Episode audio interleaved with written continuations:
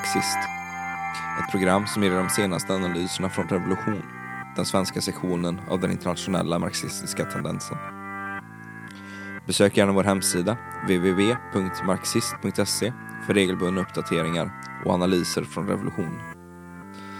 Där kan du också prenumerera på vår tidning, ge oss ett bidrag och gå med i kampen för socialism.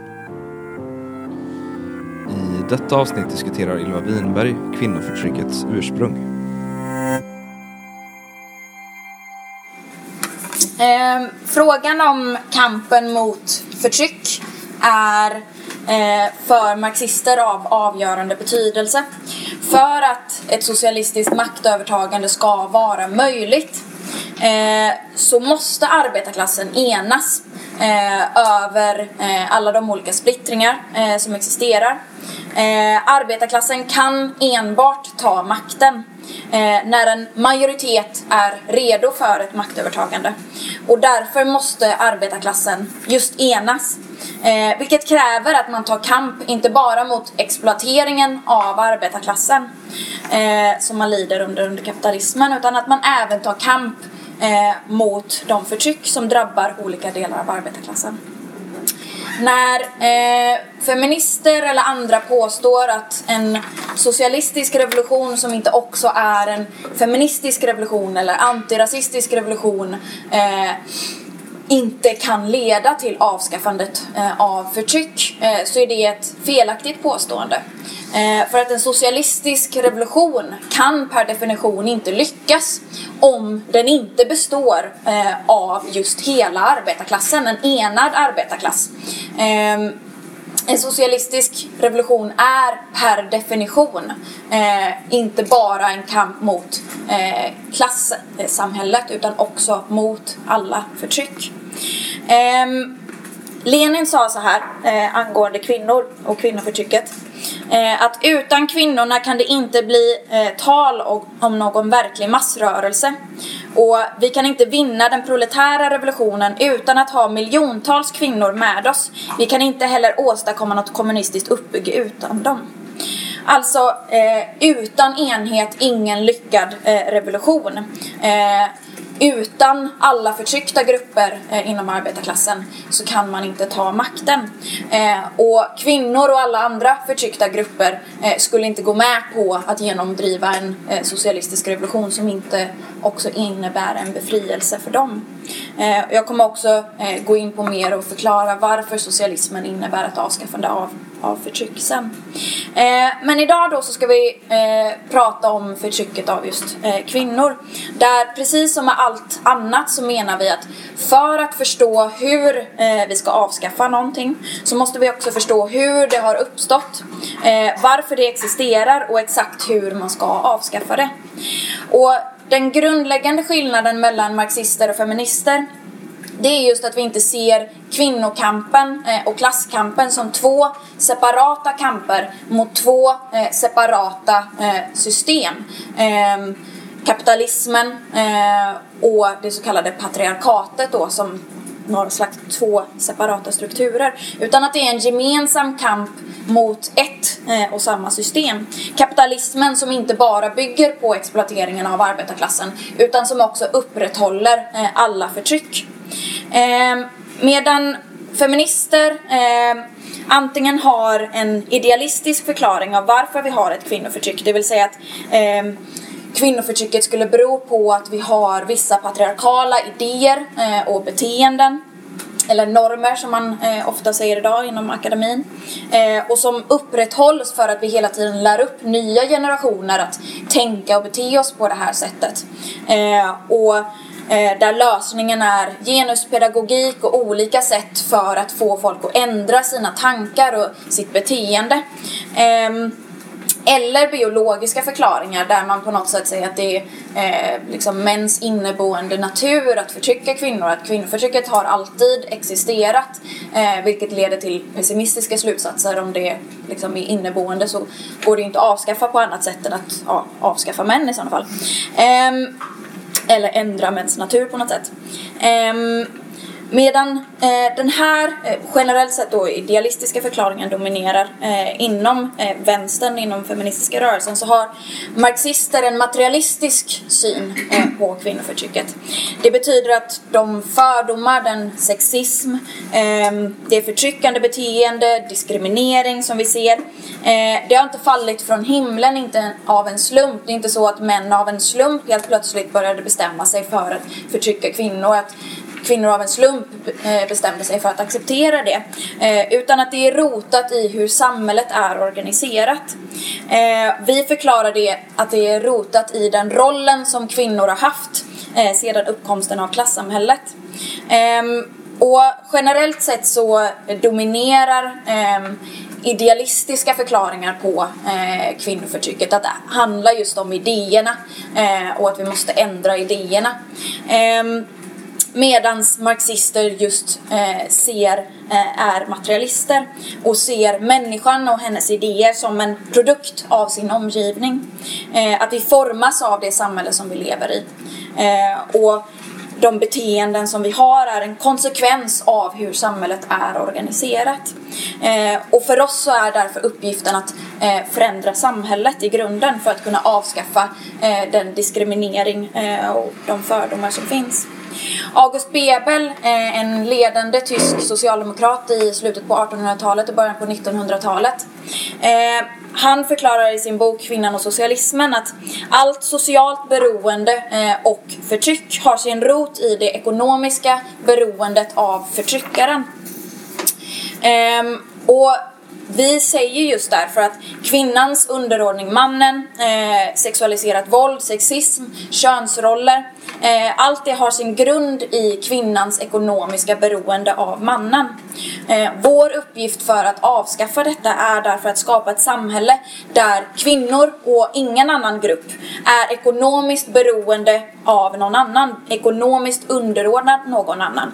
Vilket bara är möjligt att genomföra om man avskaffar hela klassamhället och upprättar ett jämlikt samhälle utan klasser, eh, det vill säga socialism. Ehm, att kvinnoförtrycket inte är någonting naturligt som alltid har eh, existerat. Det visas av att vi under majoriteten av mänsklighetens historia eh, har levt i samhällen utan något kvinnoförtryck. Eh, det var jägar och samlarsamhällen som var de första mänskliga eh, samhällen eh, som uppstod när människan tog sig ner från eh, träden eh, och utvecklades från apa till människa. Eh, och det här var jämlika samhällen utan klasser utan eh, förtryck. Eh, och vi kallar de här samhällena för urkommunistiska samhällen. För att de just var jämlika eh, samhällen där man delade allting lika. Eh, män och kvinnor bidrog eh, lika mycket till stammens överlevnad och kvinnan var på inget sätt eh, underordnad mannen under den här perioden. Det fanns en viss eh, uppdelning, eh, arbetsdelning, eh, där kvinnor huvudsakligen samlade in bär och frukter Eh, och där män huvudsakligen var de som jagade. Eh, då av biologiska skäl på den tiden så var eh, kvinnor gravida en väldigt stor del av eh, sitt liv. Man blev gravid tidigt, hade ofta småbarn, eh, dog ganska tidigt vilket gjorde att eh, det var svårt att ge sig ut i jakt med ett litet småbarn eller att vara höggravid. Eh, men det finns också många stammar, eh, eller fanns, eh, där kvinnor också jagade och män tror jag i alla eh, stammar eh, deltog också i insamlandet av bär och frukter som var det huvudsakliga eh, som man ägnade sig åt i de flesta stammar. Ehm, men det fanns en, en, en viss liten eh, uppdelning där. Ehm, I de här samhällena så hade man gruppäktenskap eh, Eh, och inte monogama parförhållanden som idag. Eh, till en början när människan övergick från eh, människa till, eller från apa till människa så fanns det inga inskränkningar i de sexuella relationerna utan alla hade sexuella relationer med alla. Barn med vuxna, syskon med varandra och så vidare. men gradvis så började man införa begränsningar de stammar där man eh, avskaffade eh, inaven, begränsade inaveln mellan först barn och vuxna och sedan mellan syskon, mellan kusiner och så vidare. De fick en starkare utveckling medan de som inte gjorde det blev sjuka och dog ut. Eh, de här familjerna eh, organiserades utifrån moden. Man hade vad man kallar för eh, modersrätt eller mo arv på eh, moderslinjen. Ehm, där sönerna vid eh, könsmogen ålder fick ge sig iväg till eh, en annan stam. Eh, eller rättare sagt till en annan gens som man kallar det. Eh, som var de mindre eh, familjeenheterna då. Um, och det här var eh, eftersom man hade gruppäktenskap. Eh, så där alla låg med alla förutom släktingar. Eh, så var det, kunde man inte veta vem fadern var. Man kunde veta däremot vem modern var. Och därför så var det modern som eh, samhällena utgick ifrån. Och för att då begränsa inaveln så var det sönerna som fick ge sig iväg. Så hela samhället organiserades kring, eh, kring modern och modern och kvinnor hade därför en väldigt stor aktning och respekt och vördnad. De här samhällena beskrevs för första gången av eh, Friedrich Engels i familjen, privategendomens och statens ursprung som baserade sig på eh, antropologen Henry Morgans forskning. Ehm, eh, som hade levt bland ursprungsbefolkningen i eh, Amerika. Eh, och det finns en del antropologer som har liksom, eh, försökt att hitta bevis eh, för att Morgans forskning var felaktig och sådär. Eh, men den stora majoriteten av antropologisk forskning eh, har bekräftat hans huvudsakliga slutsatser. Eh, och det finns även spår av det här eh, existerande eh, idag bland vissa eh, folkslag i världen. även om de inte kan ses som liksom något eh, exakt exempel på exakt hur man levde då för att de flesta samhällen har kommit i kontakt med det moderna eh, samhället eh, och påverkats av det och så. Eh, men exempelvis så finns det ett nomadiskt eh, muslimskt folkslag i Saharaöknen som kallas för taureger eh, där moderrätten gäller. Eh, det är kvinnorna som äger kamelerna. Det är de som bestämmer vem som får vad när eh, ett par skiljer sig. Eh, och där då eh, eh, mannen får ge sig iväg till sin eh, eh modersstam. Eh, och där kvinnorna är lika fria som männen att eh, ligga runt innan de gifter sig och där de även får ligga med andra även eh, efter att man har gift sig. Ehm, och där det är män som bär slöja och inte kvinnor. Ehm, kvinnoförtrycket eh, det uppkom med uppkomsten av privategendom. I de urkommunistiska samhällena så eh, var man tvungen att dela eh, lika på allting vilket gjorde att det var inte möjligt med någon eh, ojämlikhet. Det fanns ingen rikedom som kunde samlas hos ett litet fåtal. Eh, människan var ett väldigt svagt eh, djur eh, som bara kunde överleva genom samarbete och total jämlikhet. Men när människan började med eh, boskapsskötsel och senare med eh, att bruka jorden och blev bofast så ledde det till eh, att man började få ett överskott. Man hade inte längre bara det som man kunde samla in och jaga eh, för dagen eh, utan man kunde helt plötsligt få mer än så. Ehm, och ehm, med det så, eh, så möjliggjordes ojämlikhet och eh, en uppstyckning av gruppäktenskapen till mindre familjeenheter, eh, paräktenskap. Eh, vissa kom att vara mer framgångsrika än andra i deras odling av jorden, deras skötsel av boskapsskötseln eh, och skillnader började eh, att uppstå. Eh, privategendom uppstod där det helt plötsligt, det som alltid hade varit eh, klanen eller gensens egendom, eh, gemensamma egendom, blev familjers enskilda egendom. Eh, och då män kom eh, att vara de som eh, till en början utförde det här eh, arbetet så kom det vara de som eh, skulle vilja kontrollera den här eh, rikedomen. Men till en början så gjorde eh, moderrätten att eh, fäder kunde inte eh, låta sina barn ärva någonting. Eh, utan eh, om man dog så gick eh, rikedomen tillbaka till ens moders gens. Alltså till ens eh, släktingars barn, eh, till ens eh, systrars barn, ens morbröders barn och så vidare och inte till ens egna barn. Ehm, och därför så eh, kom männen att vilja störta moderrätten eh, och införa faderrätt, arv på faderns sida. Eh, så att hans barn kunde ärva hans egendom. Eh, och moderrätten kom på så sätt att eh, störtas. Ehm, arv på faderns eh, sida infördes eh, under en väldigt lång utdragen period såklart. Eh, och istället för att sönerna fick ge sig iväg så var det döttrarna eh, som fick vara de som ger sig iväg och hitta en man. Och familjerna kom nu att organiseras istället utifrån mannen istället för kvinnan. Där kvinnan blev ekonomiskt underordnad och bunden till honom. Eh, kvinnoförtrycket, eh, när det uppkom så uppkom också monogamin. Eh, för att mannen skulle se till att de barn som skulle ärva hans egendom verkligen var hans barn. Eh, så var man tvungen att sätta stopp för gruppäktenskap eh, och sätta stopp för kvinnors frihet att eh, ha sexuella relationer med dem de ville. Eh, och därför så eh, infördes monogami för kvinnan. Dock så har monogami aldrig helt och hållet införts för eh, män. Eh, utan det har alltid varit mer acceptabelt med otrohet, Eh, flera fruar eller att gå till prostituerade eller sådär för män än vad det har varit för kvinnor kvinnor. Eh, I samband med moderrättens fall så såg vi uppkomsten av prostitution eh, och av köpäktenskap eh, där kvinnor såldes till sin man eh, eller roväktenskap där kvinnan rövades bort eh, av en man för att bli hans fru. Eh, där under perioder så har i historien så har kvinnan eh, reducerats till att knappt vara mer än en vara eh, som ska säljas eller ges bort eller rövas bort eller så. Eller som kan köpas. Eh, Engel säger det här om eh, moderrättens störtande, att moderrättens störtande var eh, det kvinnliga könets världshistoriska eh, nederlag. Mannen blev den styrande också i hemmet. Kvinnan degraderades, förslavades, blev en slavinna åt hans lusta och enbart en automat för att sätta barn till världen.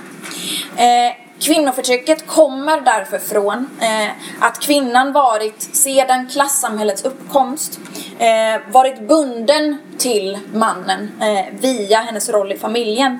Hennes uppgift har varit att ta hand om barnen, eh, hemmet eh, och mannen, medan mannen är den som äger familjen, äger egendomen och som dominerar kvinnan genom att kontrollera egendomen, genom att vara den som kontrollerar rikedomen. Ehm, hennes roll i familjen har hindrat kvinnor från att kunna delta i samhället på samma sätt som under urkommunismen.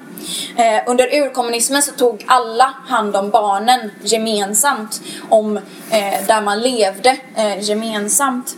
Eh, men med kvinnoförtryckets uppkomst så har kvinnorna varit de som ensamma i familjen fått ta hand om barnen medan männen varit de som ägt eh, och införskaffat det som gör att familjen överlever. Vilket gav män ekonomisk makt över kvinnor. Eh, och det är från det här som vi kan se alla de könsroller som har uppkommit eh, ifrån. Det kommer utav att kvinnan ända sedan moderrättens fall eh, har haft just en viss roll som bunden till hemmet. Eh, idén om att kvinnan hör hemma i hemmet är för att hon har varit isolerad i hemmet eh, till väldigt stor del sedan eh, klassamhällets uppkomst. Eh, hon har varit eh, tvungen att vara eh, den omhändertagande, den som ska ta hand om mannen. Eh, under en stor del av historien så har hon knappt varit mer än ett redskap för att sätta barn till livet för mannen.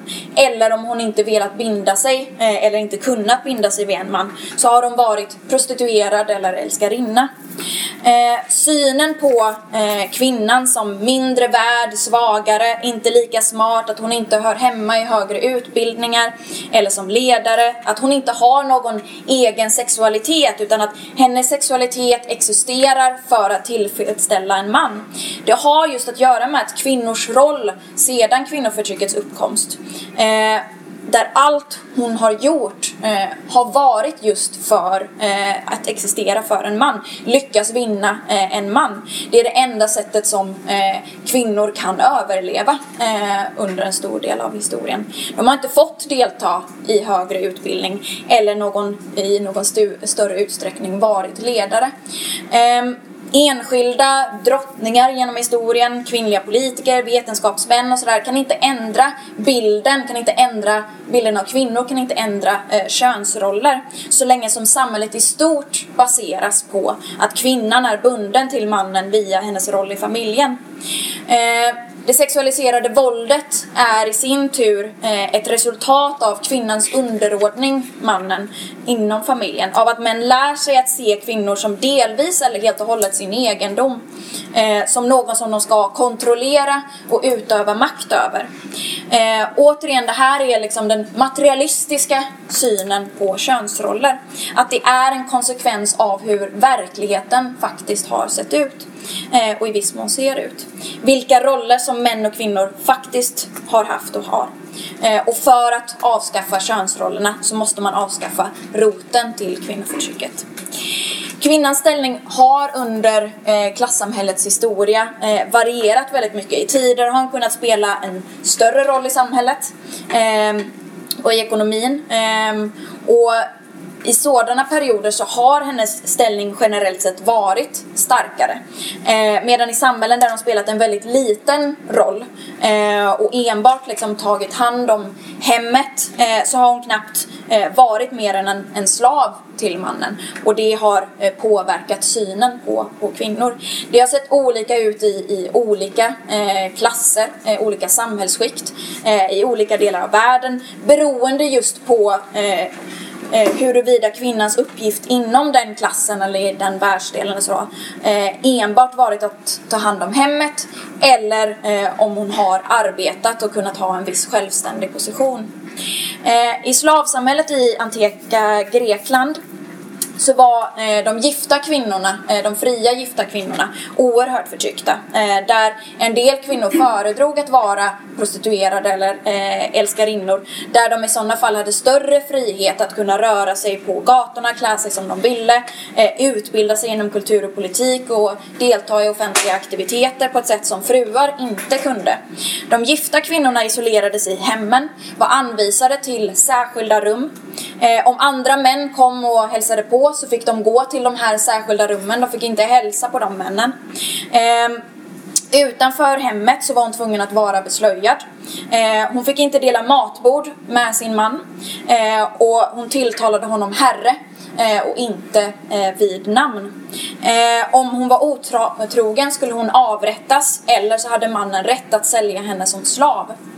Eh, det här extrema förtrycket kommer just från att den fria gifta kvinnan under antika Grekland, hennes enda roll var att sätta barn till livet. Hon hade absolut ingen annan roll. Um, och eh, slavinnorna, eh, de arbetade ju visserligen men var eh, samtidigt förtryckta som slavar och kunde därför inte ha någon slags självständig eh, ställning utan var tvärtom den fria mannens egendom eh, som han kunde utnyttja bäst eh, han ville. Men eftersom det fortfarande fanns minnen av eh, moderrätten eh, och spår av den på vissa håll eh, så kan man hitta väldigt många tecken i litteraturen från eh, den här tiden eh, på att kvinnor längtade tillbaka till eh, moderrätten och att det, det var en liksom, kamp däremellan. Exempelvis så i Aristofanes pjäs eh, Lysistrata så gör kvinnorna uppror och återinför kommunismen. Eh, och Aristofanes var väldigt konservativ så han framställer det här på ett väldigt så här, skämtaktigt felaktigt sätt då liksom förlöjligar kvinnorna och förlöjligar kommunismen. Eh, men det speglar lite ungefär vilka minnen som man hade och hur sammankopplad moderrätten är med kommunismen. Eh, spår av moderrätten och minnen av den det kan man hitta bevis för i en rad eh, olika texter även från senare tid än antika Grekland. Exempelvis hos judiska texter. Eh, där eh, i ett ställe i Moseboken så står det att en kvinna ska vara mannen underdånig. Eh, och han ska vara hennes herre. Men ett annat ställe eh, så står det att därför ska en man lämna sin fader och hålla sig till sin kvinna. Eh, och kan man se ett litet spår från mordrätten och det finns massa olika sådana här eh, exempel från, från eh, texter. Eh, även hos de germanska stammar som kom att dominera Europa efter eh, romarrikets fall eh, så dominerade visserligen faderrätten. Eh, men om en man eh, dog eh, utan barn så ärvde inte bara farbröderna utan även eh, morbrödernas barn eh, ärvde. Återigen en rest från moderrätten för att hade man varit, haft konsekvent faderrätt så är det bara på faderns sida eh, som man kan ärva. Eh, även hos vikingasamhällena eh, i Norden eh, så kunde man se att även om faderrätten dominerade så hade kvinnan en relativt stark eh, ställning i jämförelse med vad hon sen kom att få. Eh, brukade jorden och drog precis som män ut i eh, rövarkrig. Ehm, i större delen av världen, eh, i Nordamerika, stora delar av Afrika och sådär, så levde stammar kvar i eh, urkommunism och med moderrätt eller var i eh, någon typ av övergång till klassamhälle och faderrätt. Eh, fram tills européerna eh, kom och införde kapitalismen via eh, kolonialismen. Ehm, under eh, feodalismen så, eh, i Europa så dominerade eh, faderrätten. Eh, kvinnorna var under feodalismen mannens egendom. Eh, hon ägdes av sin far och sen av sin man. Eh, men deltog likväl med mannen, mannen i brukandet av jorden och hade därför en starkare ställning än exempelvis de gifta kvinnorna under antika Grekland. Ehm, Även om hon såklart var helt beroende av, av mannen och inte bara av eh, sin man utan ofta även av eh, eh feodalherren som eh, bönderna arrenderade sin jord, alltså hyrde sin jord eh, av. Eh, den här feodalherren hade ofta eh, vad man kallade rätten till den första natten, alltså hade rätt att spendera eh, den första natten med varje eh, nygift eh, brud eh, inom sin socken eller, eller by. Ehm, och eh, däremot eh, adliga kvinnor som inte hade något arbete eller eh, ja, som inte hade någon självständig position, de var mindre självständiga gentemot sin man än bondekvinnorna. Eh, om de inte själva lyckades bli drottningar eller få makt på något särskilt sätt. Eh, men det är framförallt kapitalismen som delvis har befriat kvinnor eh, från att vara bunden till mannen eh, via familjen då. Och som framförallt har lagt grunden för eh, möjligheten till att avskaffa kvinnoförtrycket. Genom storproduktionen och utvecklingen av produktivkrafterna eh, som lett till ett ökande behov av arbetskraft så har kvinnorna tvingats ut från hemmen och dragits in eh, eh, från, eh, från hemmen dragits in i storproduktionen, tvingats att sälja sin arbetskraft till kapitalisterna. Och det har lett till att arbetarklassens kvinnor eh, som arbetar har fått en egen inkomst och därmed större självständighet eh, från mannen. Eh, och det här är också det som har lett till förändrade könsroller. Eh, att de generellt sett inte är eh, lika eh, extrema som under slavsamhället eller feudalismen. För att kvinnorna har fått ett självständigt arbete, eh, en självständig ekonomisk position eh, i större utsträckning. Eh, fått ett arbete och genom att eh, arbetarklassens kvinnor har varit en del av klasskampen eh, så har den klasskampen lett till rättigheter och reformer för kvinnor. Rätten till utbildning, rösträtt, eh, aborträtten och så vidare. Eh, men kapitalismen kan samtidigt inte befria kvinnor från hennes roll i familjen. För att kapitalismen är fortfarande beroende av familjen. Av den borgerliga eh, familjen eller kärnfamiljen. Kapitalismen är beroende av kvinnors eh, obetalda eh, arbete i hemmen. Eh, att eh, kvinnor i familjen tar hand om eh, och uppfostrar barnen, de gamla, tvättar, diskar, lagar mat och så vidare. Och det är för att kapitalismen behöver att familjen ser till att uppfostra nya arbetare som kan ta över från deras föräldrar och bli de nya arbetarna. Samtidigt så har det i vissa perioder varit svårt för kapitalismen att upprätthålla den borgerliga familjen. Ehm, och eh, särskilt då i perioder när, eh, när arbetarklassen exploaterats väldigt, väldigt hårt eh, eller när det varit ekonomiska kriser så har man ofta sett en minskning av eh, barnafödande då arbetare känner att de inte har tid eller eh, råd eh, att bilda familjer. Ehm, och därför har vi sett under kapitalismens historia när det har varit möjligt ehm, så har staten i vissa länder eh, under vissa perioder klivit in för att underlätta bildandet av familjer och barn, barnafödande även om kvin, både kvinnor och män arbetar. Som eh, föräldraledighet, bättre eh, mödravård, äldreomsorg för att kvinnor inte ska behöva ta hand om äldre. Eh, dagis, gratis sjukvård, skola och så vidare. Eh, det är inte bara resultat av klasskamp utan det har även i viss mån gynnat borgarklassen. Eh, att se till att bygga upp de här sakerna och Eh, tillåta de här reformerna. Så att bara för att kvinnor eh, arbetar inte barnafödandet minskar allt för mycket. Utan se till att folk fortfarande kan bilda familjer. Eh, men vi kan också se i vissa perioder när det har varit liksom en kris eh, med barnafödande, när det har sjunkit, så har det ofta satts in ganska mycket propaganda för eh, att eh, romantisera kvinnors roll i hemmen, romantisera hemmafruar, eh, romantisera kärnfamiljen, ofta kombinerat med eh, homofobisk propaganda. Ehm, för att under kapitalismen så utgör eh, alla de som eh, inte eh, är en heterosexuell man eller kvinna eh, ett hot mot eh, kärnfamiljen eh, som kapitalismen baserar sig på.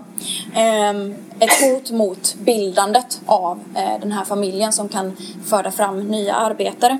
Det är en viss skillnad eh, idag och därför kan vi se eh, en lite större acceptans mot framförallt homosexuella i den mån som de också bildar kärnfamiljer eh, och uppfostrar eh, ny arbetskraft. Eh, men den välfärdsstat som byggdes upp under efterkrigstiden, den byggdes inte upp för att befria kvinnor från hemarbete. Eh, utan för att upprätthålla familjen eh, och för att se till att kvinnor skulle kunna bli en del av arbetskraften i en större utsträckning. Eh, för att göra det möjligt att bilda familjer även när kvinnor måste arbeta. Eh, idag så har i princip alla västvärldens länder problem med sjunkande födslotal. Eh, om man googlar liksom det här med eh, birth rates så kan man se väldigt många artiklar i borgerlig press där de är tydligt oroade över sjunkande födslotal eh, och pratar om behovet av att göra någonting åt det här. Eh, men eh, de kan inte idag göra de här åtgärderna som de kunde göra under efterkrigstiden med eh, ett, en stärkning av välfärdsstaten. Utan tvärtom gör dagens kris sedan 2008 att borgarklassen måste attackera arbetarklassens eh, reformer som man har vunnit. Eh, problemen med budgetunderskott, eh, med statsskulder gör att staterna måste skära ner inom välfärden. På så sätt så kan vi se att kapitalismen skapar ytterligare problem som de inte kan eh, lösa.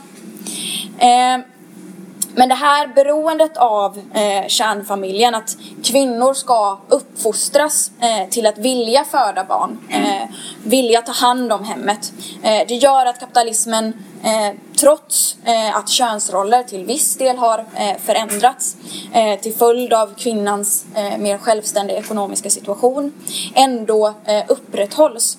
För att kvinnan har ändå en roll eh, av att vara underordnad mannen i familjen. Eh, att ha rollen som den som huvudsakligen tar hand om det gemensamma hemmet. Ehm, och kapitalismen tjänar på att framställa det som att det är just ett kön som har det här naturligt och som ska göra det här och det ska vara liksom det, det största i deras liv för att se till att folk verkligen vill bilda i familjer även när det är ekonomiskt oerhört svårt. Um, och därför så länge som kvinnan är ekonomiskt underordnad mannen så kommer också mäns makt över kvinnor eh, med sexualiserat våld, sexualiseringen av kvinnors kroppar, eh, att kvinnors sexualitet ses som någonting som existerar för män att bibehållas. Kapitalismen tjänar också på könsroller eh, för att man kan producera eh, en massa varor eh, anpassade till att få män och kvinnor att känna att de enbart kan bli riktiga män och riktiga kvinnor om de konsumerar alla de här varorna som produceras. Ehm, och kvinnor kommer alltid vara ekonomiskt beroende av män eller inte tjäna lika mycket eh, som män inte varenda enskild eh, kvinna, men majoriteten kommer vara det eh, under kapitalismen så länge den består. Eh, för att kvinnor eh, helt enkelt används som en del av arbetarklassen som ges eh, sämre eh, arbetsvillkor, eh, lägre eh, löner. Eh, för att på så sätt så kan man sänka löner och försämra villkor för en hel yrkeskategori som vi kan se inom alla de kvinnodominerande yrken. Att så fort kvinnor kommer in i ett yrke, ja men då är det en jättebra ursäkt för att sänka löner och villkor för, eh, för den yrkesgruppen. Eller eh, i ett senare steg för hela arbetarklassen. Precis som invandrare ges eh, sämre löner, sämre villkor eh, för att kunna sänka löner för resten av arbetarklassen så har samma sak gjorts med kvinnor inom arbetarklassen. Eh, att kvinnor någon gång under sitt liv kan komma att kanske föda barn Eh, det används som en ursäkt eh, för att i större utsträckning ge dem deltidsarbete istället för heltid. Eh, vilket gör att kvinnor i större utsträckning eh, har tiden att kunna ta hand, eller större tid att kunna ta hand om hemmet än vad mannen kan. Vilket leder till eh, en ond spiral. Eh, hon får deltid, sämre lön, därför tjänar en familj på att kvinnan stannar hemma längre med barnen under föräldraledigheten som återigen leder till att hon kommer få sämre lön än vad mannen är bibehålla det här upp, eh, beroendet dem emellan gör att mannen eller familjen tjänar på att det är mannen som arbetar heltid och att det är kvinnan som arbetar deltid. Eh, en ond spiral som bara fortsätter under kapitalismen. Eh, och på grund av att kapitalismen är både ett klassamhälle men också ett samhälle som upprätthåller eh, förtryck, eh, så som kvinnoförtrycket, eh, så gör det att eh, vissa kvinnor tvingas in i prostitution som bara kan eh, utraderas i ett samhälle utan fattigdom, arbetslöshet, eh, misär eh, och kvinnoförtryck. Som August Bebel säger, äktenskapet är den ena sidan av könslivet inom det borgerliga samhället. Prostitutionen är den andra.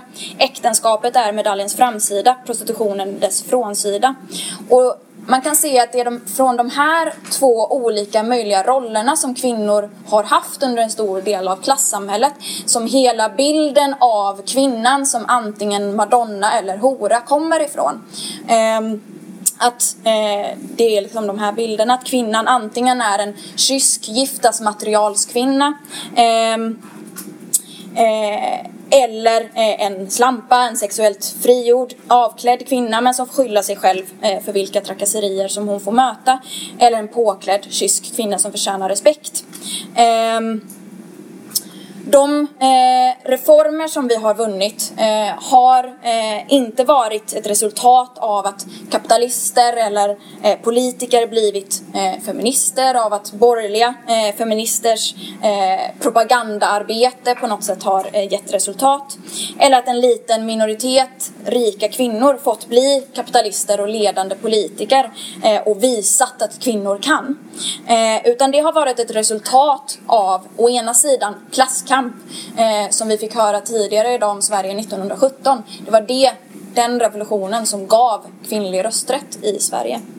Eh, eller eh, i kombination med att kapitalismen i viss mån också tjänat på eh, vissa reformer och därför gett efter i vissa perioder för eh, viss klasskamp. Eh, tillåtit att de går igenom. Eh, men för att avskaffa hela kvinnoförtrycket så måste vi avskaffa kapitalismen.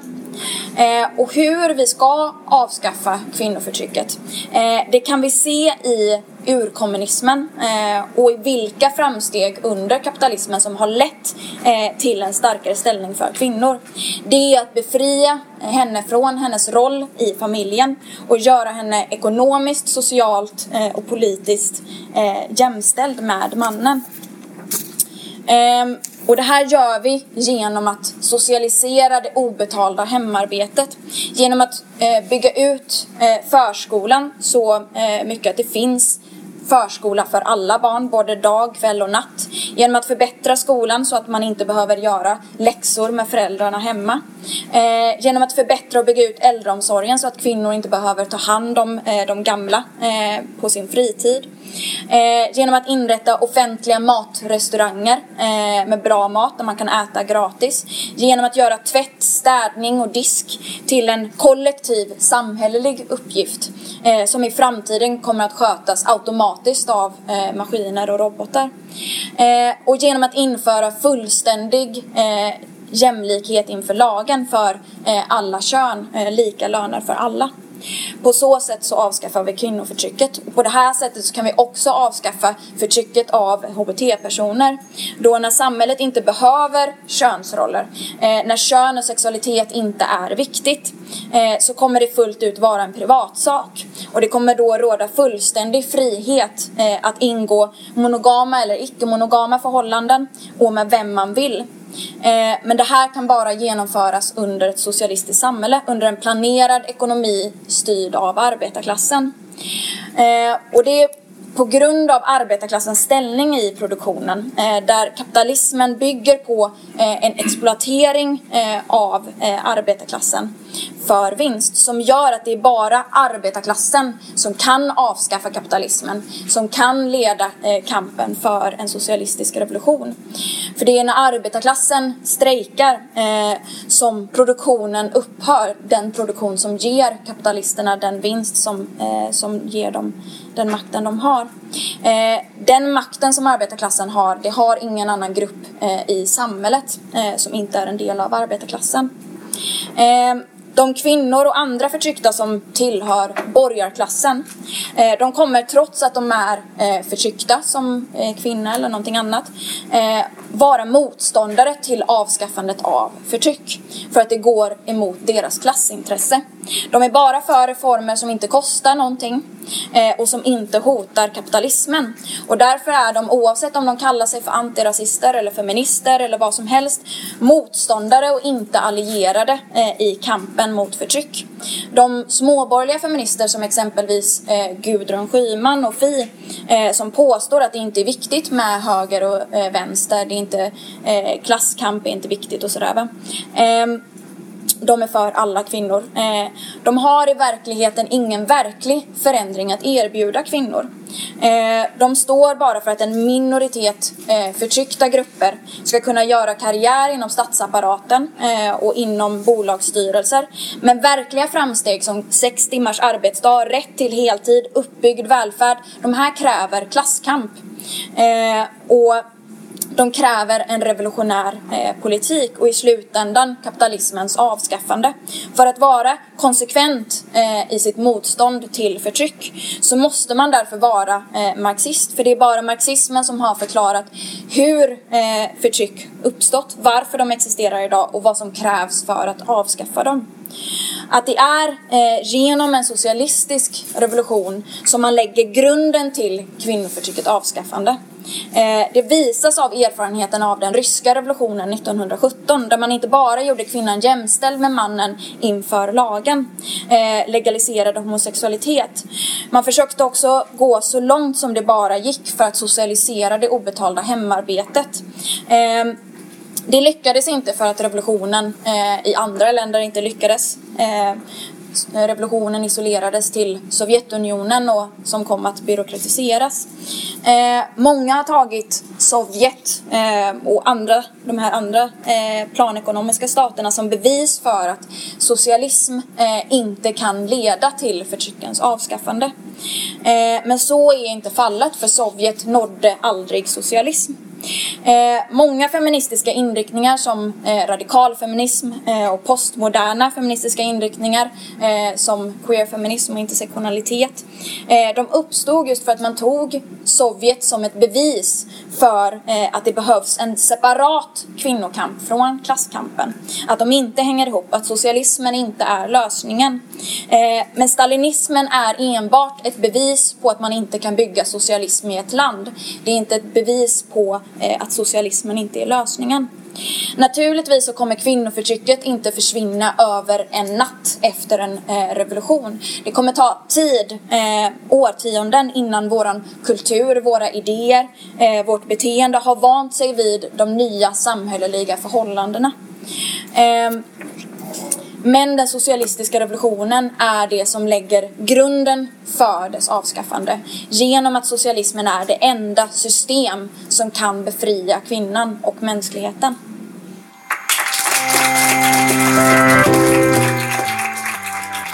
Tack för att du har lyssnat på Radio Marxist. Prenumerera på oss via Soundcloud, iTunes, Spotify eller där du hittar poddar. Vill du veta mer om oss i Revolution? Gå gärna in på vår hemsida www.marxist.se där du kan ta en prenumeration på vår tidning, ge oss ett bidrag eller gå med oss i kampen för socialism.